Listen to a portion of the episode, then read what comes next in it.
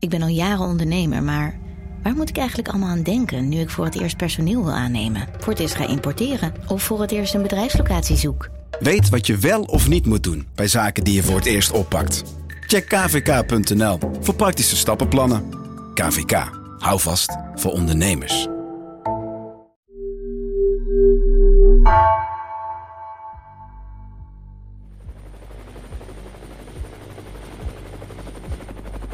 Het is woensdagochtend 18 september 2019.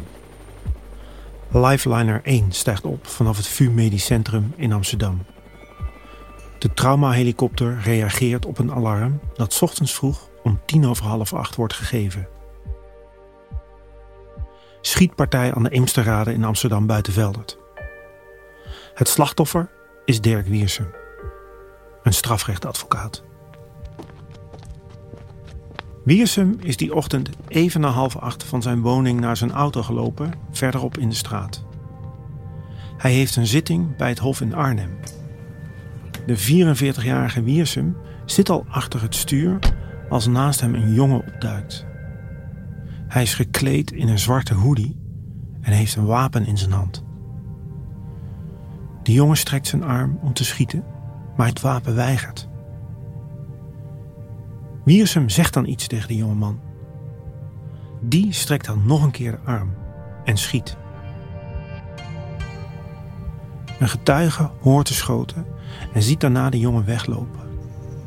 Hij vlucht in een klaarstaand wit bestelautootje, een Opel Combo. Als de lifeliner arriveert, is het al te laat.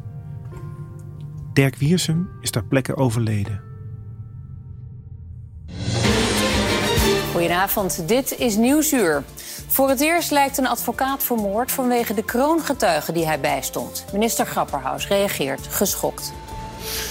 Dit is een aanslag op onze rechtsstaat. De mensen die daarin werken, die zorgen voor uw en mijn democratische rechtsorde. Wat uh, komt u hier doen vanmorgen? Ja, bloemen brengen en uh, steun betuigen aan uh, familie en kinderen van Dirk. Ik ken hem niet, ik ken zijn familie ook niet.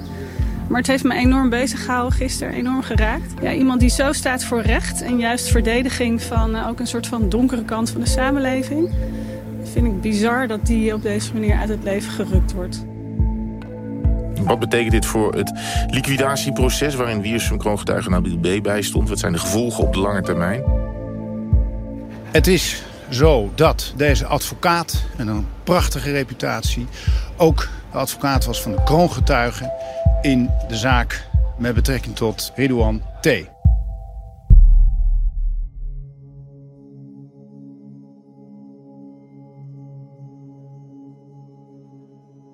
Een blauwe lucht en zee op de achtergrond. Parasols van riet. Het is een typisch vakantiekiekje. Het is een selfie van een man die met een guitige blik recht de camera inkijkt. Zijn lippen getuit en zijn hoofd een klein beetje naar achter getild. Het is een van de weinige foto's van de op dat moment meest gezochte crimineel van Nederland. Ridouan Taghi. De politie verspreidt de foto in 2018 en looft tipgeld uit aan degene die weet waar hij is. Na de moord op Dirk Wiersum herkent iedereen die foto van Taghi. Hij komt al snel in beeld bij de politie. Het meest waarschijnlijke is volgens hen dat Taghi de opdracht heeft gegeven voor de moord. Hoe kan het dat een advocaat wordt doodgeschoten omdat hij een kroongetuige bijstond? En eerder werd ook al de onschuldige broer van die kroongetuige vermoord. Hoe heeft het zover kunnen komen? In deze podcast onderzoeken mijn collega Else van Driel en ik hoe een Marokkaanse jongen uit het Utrechtse Vianen kon uitgroeien tot een cocaïnebaron. Onder welke omstandigheden lukte dat? Welke rol heeft onze samenleving daarin? En waarom wordt Ridouan Taghi gelinkt aan de moord op Dirk Wiersum? Het onderzoek doen we samen met Jan Meijers, die al jaren voor NRC over de georganiseerde misdaad schrijft. Hij reconstrueert het verhaal van Taghi zelf. Van zijn roots tot aan het moment waarop hij uiteindelijk wordt gearresteerd. Elze en Nick onderzoeken ondertussen waarom dat nu en juist in Nederland kon gebeuren.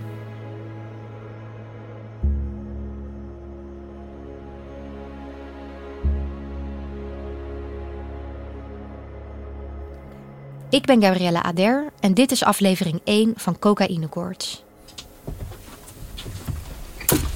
Oké, iedereen klaar? Elze, kan je ons horen? Ja, helemaal goed. Ik zit met Jan Meijers in de NRC-studio. Ja, maar, daar, maar dan wil ik, wil ik het toch nog, ik wil het toch nog één keer helemaal vanaf het begin doen. goed. Maar dan is volgens mij dus dan, dan ga ik beginnen, zeg maar, in de. Jan, waar moeten we beginnen? Laten we eens beginnen bij een boodschappentas. Eentje van een Lidl, die wordt gevonden eh, in de keuken van een man die woont in Schiedam. Nou, de bewoner van dat huis was een eh, douanier. En die man die wordt aangehouden bij een grote actie naar een tweetal groepen die worden verdacht van cocaïnesmokkel. Ze vinden die tas in de keuken, die staat daar ergens in een, in een, hoekje. Alsof er nog wat boodschappen moeten worden uitgeladen. Maar in plaats van eh, een paar zakken chips en wat potten pindakaas, vinden ze daar 1,1 miljoen euro cash. Keurig netjes verpakt. Waar begin je nu hiermee? Ik hou van dit soort anekdotes omdat die gewoon heel inzichtelijk maken hoe dingen werken. Maar ook omdat dit voorbeeld duidelijk maakt hoe de onderwereld heel gemakkelijk in de bovenwereld doordringt. Dus met de corruptie van één man zit de georganiseerde misdaad in Nederland in de kern van de organisatie waar ze moeten voorkomen dat drugs Nederland binnenkomen via de Rotterdamse haven.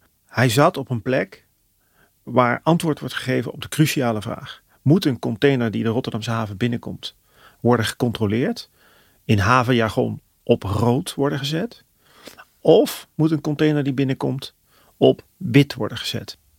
Als je zo iemand op zo'n cruciale plek zo makkelijk kunt corrumperen, dan zegt dat iets over de macht van de georganiseerde misdaad in Nederland. En waar staat dit dan voor? Ehm, nou ja, je zou kunnen zeggen dat het verhaal van deze douanier staat voor de cocaïnekoorts die op is gekomen in de Nederlandse onderwereld. Er kunnen miljarden worden verdiend met de smokkel van cocaïne. Drugshandel leidt niet alleen tot corruptie, leidt niet alleen tot witwassen, maar het leidt ook tot geweld op straat. Heb je daar een voorbeeld van? Een die bij heel veel mensen wel in het geheugen zit, uh, is de dubbele liquidatie in de staatsdiebuurt eind december 2012. Daarbij worden twee jongens van Marokkaanse komaf die in Nederland zijn opgegroeid doodgeschoten. Maar de manier waarop dat gebeurde was voor Nederland tot op dat moment ongekend. Dat, dat, dat gebeurde in een woonwijk, de staatsdiebuurt in Amsterdam. En daar, daar is door straten gereisd, daar is vanuit auto's geschoten. Daar zijn tientallen kogels in gevels door ramen uh, uh, gevonden.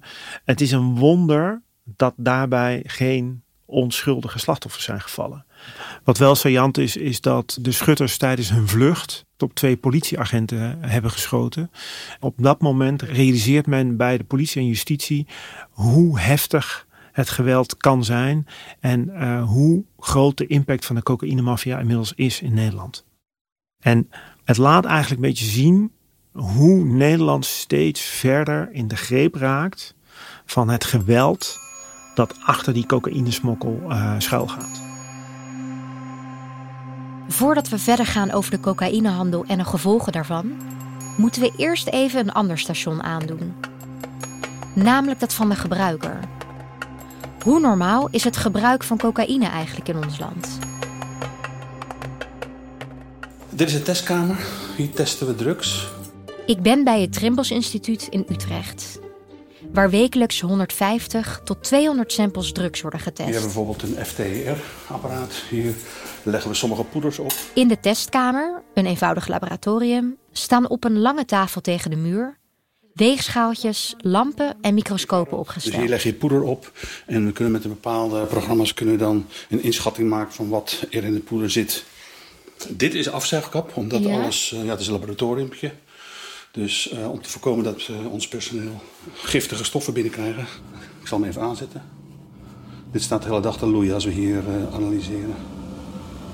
Je kunt je voorstellen dat dat wel irritant is aan de loop van de middag. Wat hebben we hier nog meer? Nou, dit is eigenlijk wel het belangrijkste. Het zijn LSD-testen die we hier doen en nog wat van die dingen. Oké. Nou, laten we wat vragen dan stellen. Prima.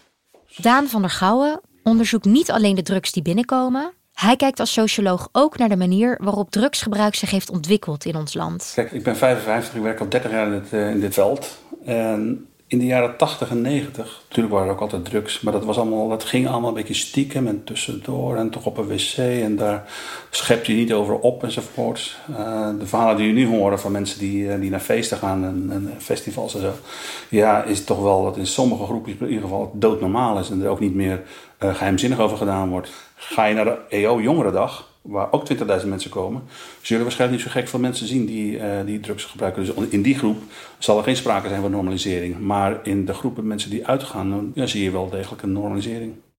Ongeveer 1 op de 19 Nederlanders van 18 jaar en ouder heeft ooit cocaïne gebruikt. Vooral bij jongvolwassenen tussen de 25 en 29 jaar is een lijntje, meestal alleen tijdens het weekend, erg populair. Wat je dus ziet is dat het gewoon ja, heel makkelijk is om aan cocaïne te komen. En welvaart in ons land speelt ook wel een rol, omdat cocaïne gemiddeld 50 euro per gram is ongeveer. Dat is voor een jongere best veel geld, maar kennelijk ook niet zoveel dat ze, dat ze het niet uh, doen.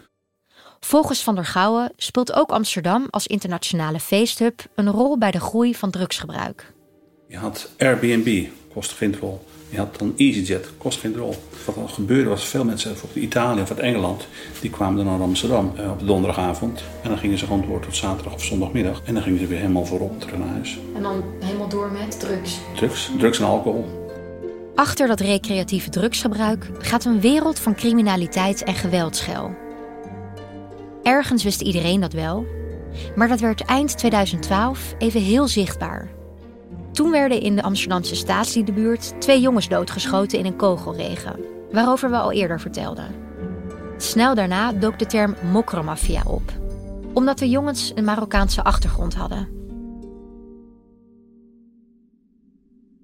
Jan, waarom wordt die staatsliedenbuurt eigenlijk voor de gemiddelde Nederlander gemarkeerd als de opkomst van de mokromafia? Wat er gebeurt na die schietpartij in de staatsliedenbuurt is dat mensen zich gaan afvragen: uh, wat is hier gebeurd?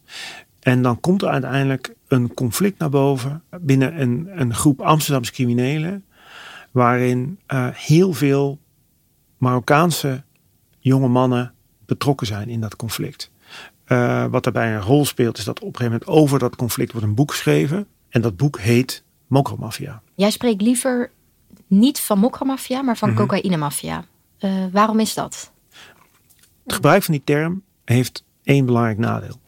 En dat is even los van de stigmatisering van Nederlanders met een Marokkaanse achtergrond, is het dat het eigenlijk feitelijk niet juist is. Het is een boektitel die verworden is tot een begrip. Maar als je kijkt naar uh, het conflict waar dat boek over gaat, dan zien we dat de leider van deze groep is een Antilliaanse Nederlander, namelijk Gwennet Marta. Anders gezegd, de drugsmafia houdt zich niet aan etnische grenzen. In deze podcast spreken we dus niet over de mokro, maar over de cocaïnemafia. Dat zijn criminele groeperingen in Nederland die elkaar naar het leven staan vanwege het vele geld dat met cocaïne te verdienen is. Waar criminelen decennia lang geld verdienen met afpersing, prostitutie, hashmokkel en wietkweek, is cocaïne voor heel veel criminelen inmiddels de grootste inkomstenbron. Nederland is een belangrijk distributiecentrum waar cocaïne in en uitkomt. Hoe lopen de internationale drugsroutes precies? Hey, hallo. Damian Zajc is hoofddocent criminologie aan de Universiteit Utrecht en doet veel onderzoek naar internationale drugshandel.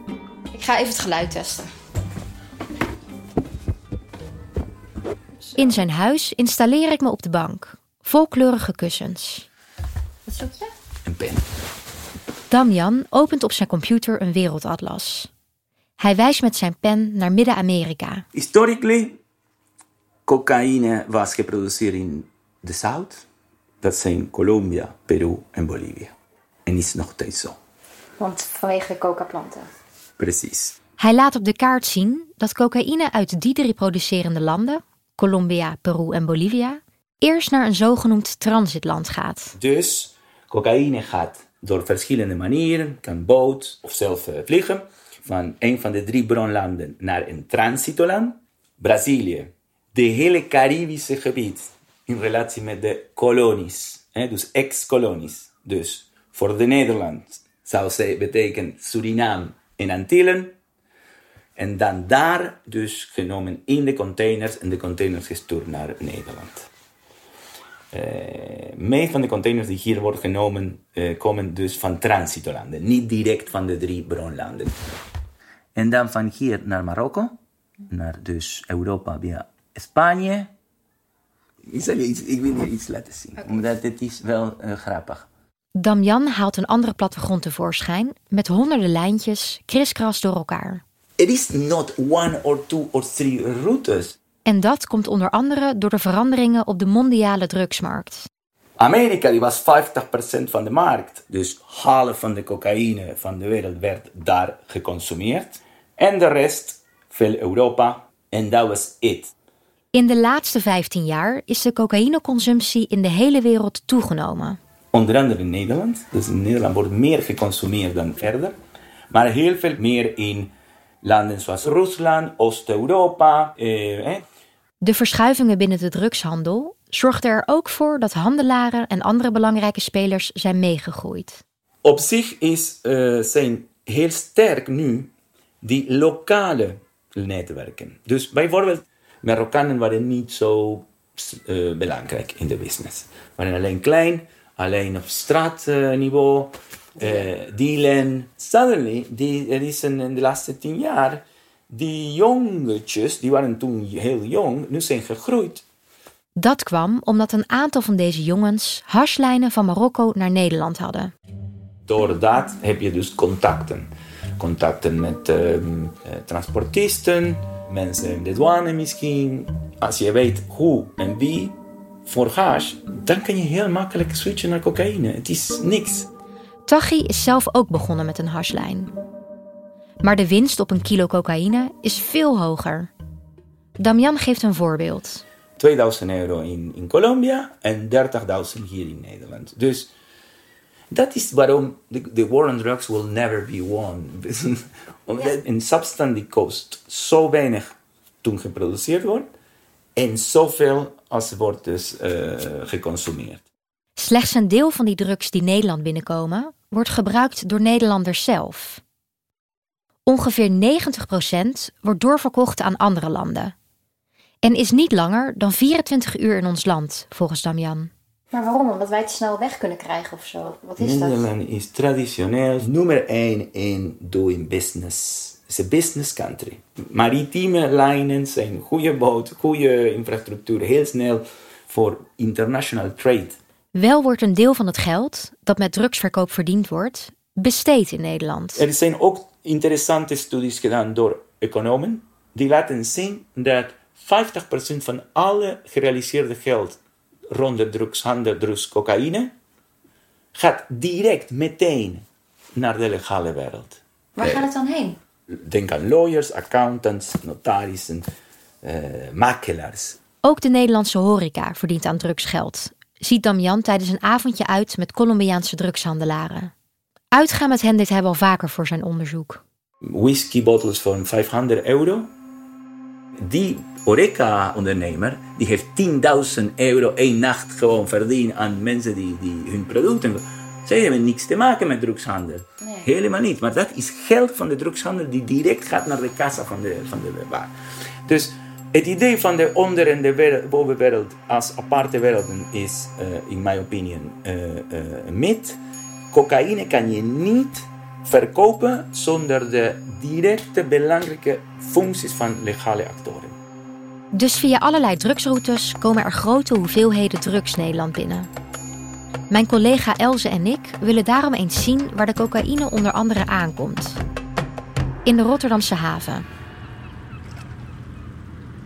Het is een grijze zomerdag als we het desolate terrein van de Maasvlakte oprijden. In de verte zien we enorme hoeveelheden containers opgestapeld staan. We worden opgehaald bij de douane in de Rotterdamse haven. Hier komen jaarlijks 8 tot 9 miljoen containers binnen. 1 paar 39. Of voor jou? Zo? Hier staat 38 op, maar er zit maar één veter in. Voor we mee naar de inspectieloods mogen, trekken we zware schoenen met stalen neuzen aan. 42. 42? Nee, dat ga ik niet passen. Net niet, hè? Nee. Jan Kamp is directeur van de douane Rotterdam Haven. Hij draagt een statig uniform en heeft een vriendelijke uitstraling. Hij laat ons de grote inspectieloods zien. En hier worden dus de containers die wij eh, willen controleren echt fysiek gecontroleerd. Dat betekent dat we hem helemaal uitpakken. Er staan rijen opeengestapelde bruine dozen die met geeltape zijn dichtgeplakt. Ze zijn uit een van de containers gehaald die bij de ingang staan. Dit is een zending van vandaag. Dat zijn dus sigaretten eh, die eh, niet aangegeven zijn als sigaretten. Dus dat zijn, Al deze dozen. dit zijn allemaal sigaretten. 9 miljoen illegale sigaretten is een mooie vangst voor de douane. Na een paar dagen worden ze vernietigd. Met een drugsvondst gaat het iets anders. Verdovende middelen gaan we dan iets anders mee om dan met sigaretten. Die zouden Eh, hier niet zo open en bloot. Die zouden hier wel staan, maar dan hebben we daar eh, bewaking bij geregeld. Eh, en verdovende middelen die laten we niet lang hier staan, dat kan ik je vertellen. Op het moment dat wij die bevinding hebben gedaan, eh, moet het wel allemaal gewogen worden, bemonsterd worden. Dat doen we in een aparte ruimte. Eh, en dan wordt het eigenlijk vrij snel afgevoerd en vernietigd. Dat blijft hier geen nacht staan. Als wij een container hier binnenkrijgen, dan staat er in de elektronische informatie al, het is een container met bananen. En dan kijken wij waar komt het vandaan, wie vervoert het, eh, waar gaat het naartoe. Nou, dan kunnen we besluiten om hem naar de eh, scan te laten gaan. En daar komen dan beelden uit. En dan gaan de beeldanalisten kijken, zie ik nou iets raars of niet. En dus zeg maar, als ik nou in een container bananen, dan moet ik eigenlijk wel die bananen een beetje terugzien. En als ik daar nu hele vierkante blokken van iets anders in zie zitten, denk ik, dat kon wel eens mis zijn. Stap 1 is dus informatie checken. Stap 2 is door de scan halen. En de derde stap is het fysiek controleren van een container. Ja. Kijk, zo zit vast. Nou, Nu krijg ik niet de hendel er- nou ja, eraf. zo- nee, je krijgt hem nu niet open zonder dat je de zegel verbreekt. Ik krijg natuurlijk de vergrendelde deur niet open. Maar een douanier schiet met een gigantische kniptang te hulp. Oké, dus nu is die ontzegeld. Ontzegeld.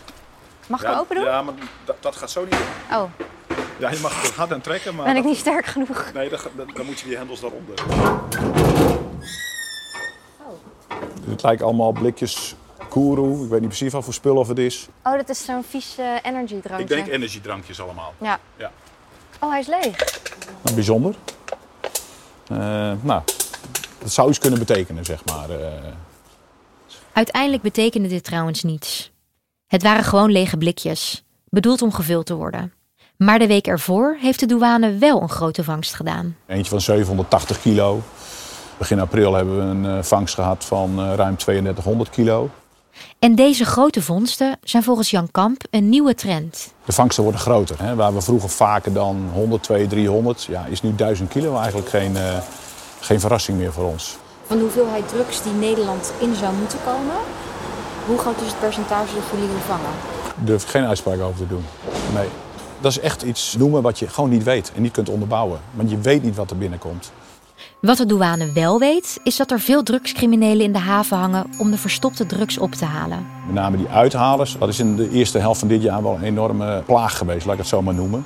Waarbij we echt tientallen van die mensen hebben aangehouden. En eh, eh, soms met cocaïne, maar ook soms zonder cocaïne. Uithalers zijn eigenlijk gewoon jongens die een beetje onderaan de Ja. criminaliteitsketen staan. Ja. Die de haven op proberen te komen. Ja.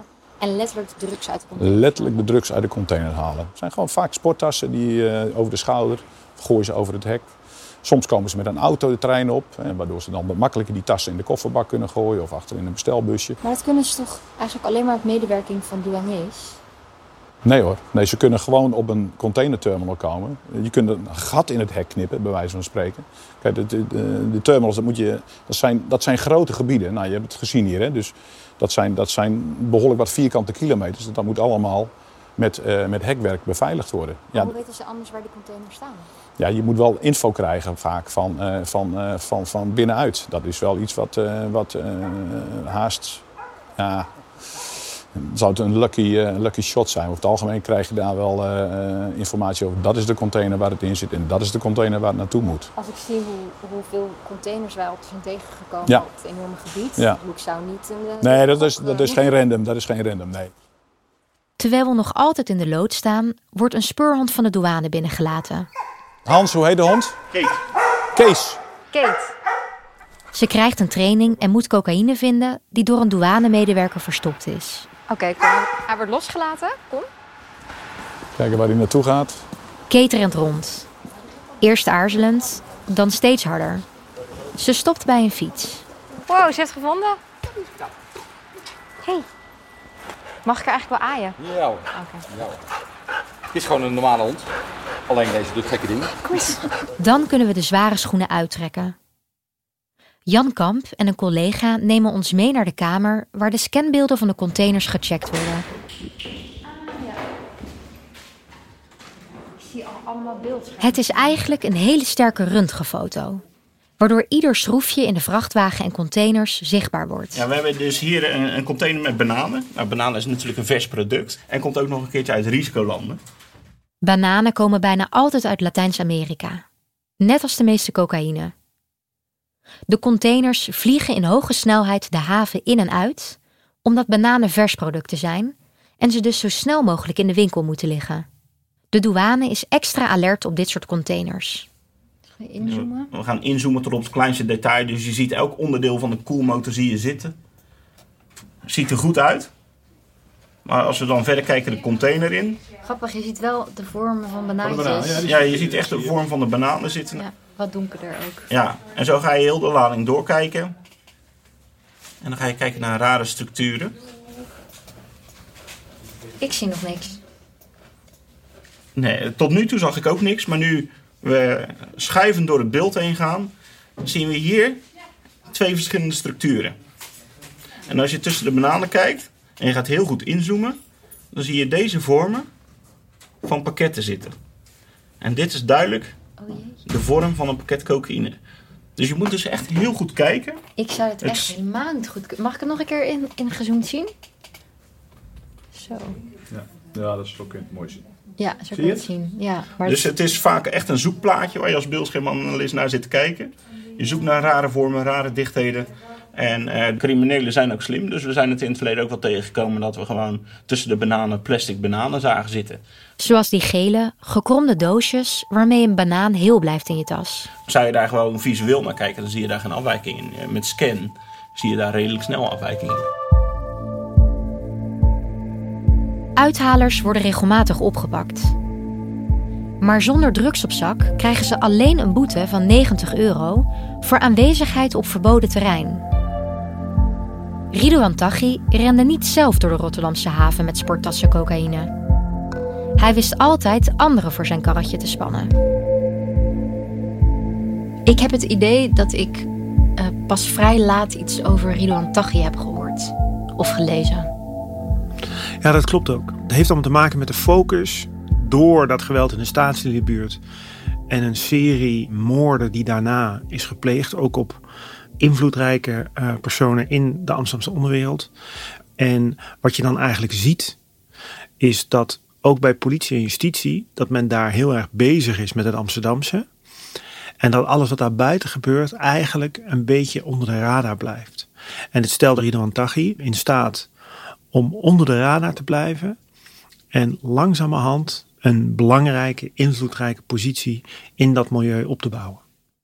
Maar er is een moment waarop Ridouan Taghi ineens wel in beeld komt bij de politie. Uiteindelijk is het een man uit het Utrechtse criminele milieu die de kat de bel aanbindt. Die dus als eerste de naam van Ridwan Taghi noemt tegenover de politie. En de naam van die man is Ibrahim B. Ibrahim B. draait al decennia mee in de Nederlandse onderwereld. Ze noemen hem de slager. Die bijnaam heeft te maken met een slagerij die hij ooit van zijn vader heeft overgenomen en in het centrum van Amsterdam ligt. Deze Ibrahim zit in de juni van eh, 2015 in Driebergen tegenover twee agenten. En hij heeft een verrassing voor ze in petto. Ibrahim vertelt. Er wordt gejaagd op hem. Door een groep mannen die wordt aangestuurd door Ridwan Taghi. Ik heb ruzie gehad met hem in het verleden. Daarom wil Taghi mij dood. En ik ben echt niet de enige. Taghi heeft met veel meer mensen ruzie. Hij is, zo stelt Ibrahim B., de nieuwe baas van de cocaïnemafia in Nederland. Op dat moment valt het stil aan de andere kant van de tafel. Want de rechercheurs die kennen de naam van Ridwan Taghi helemaal niet. En dat blijkt ook, want ze spellen op dat moment zijn voornaam verkeerd. Ibrahim gaat dan verder. Het is die Taghi waar jullie naar op zoek moeten, zegt hij tegen die rechercheurs. Hij is een van de nieuwe bazen van de onderwereld.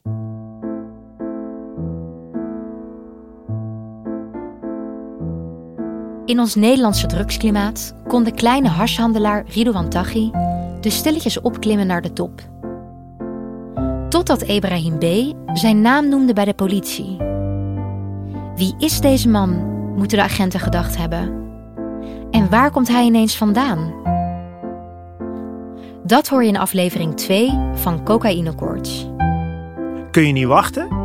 Download dan nu de NRC Audio app via nrc.nl/slash audio of ga naar de App Store en luister daar meteen verder. Je luisterde naar Cocaïne Koorts, een podcast van NRC. Gemaakt door Jan Meijers, Else van Driel en mijzelf, Gabrielle Ader. Muziek die je hoort werd gecomponeerd door Ari Visser. Het eindnummer is van Gilad Benamram. De mixage werd verzorgd door Arno Peters. De inhoud van deze podcast is gebaseerd op een serie gesprekken met betrokkenen die waar mogelijk met naam en toenaam worden genoemd. Los daarvan doet NRC al sinds de start verslag van de strafzaak Marengo. Het materiaal dat daarbij is vergaard ligt een grondslag aan de vertelling over Taghi en zijn medeverdachten. Zij zijn volgens justitie betrokken bij tenminste zes onderwereldmoorden, een serie pogingen daartoe en voorbereidingen daarvan. De PGP-berichten waaruit wordt geciteerd komen uit delen van het Marengo-dossier waar NRC inzage in heeft gehad.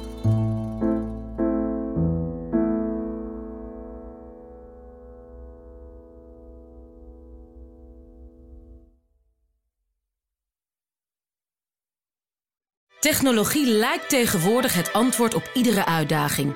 Bij PwC zien we dit anders.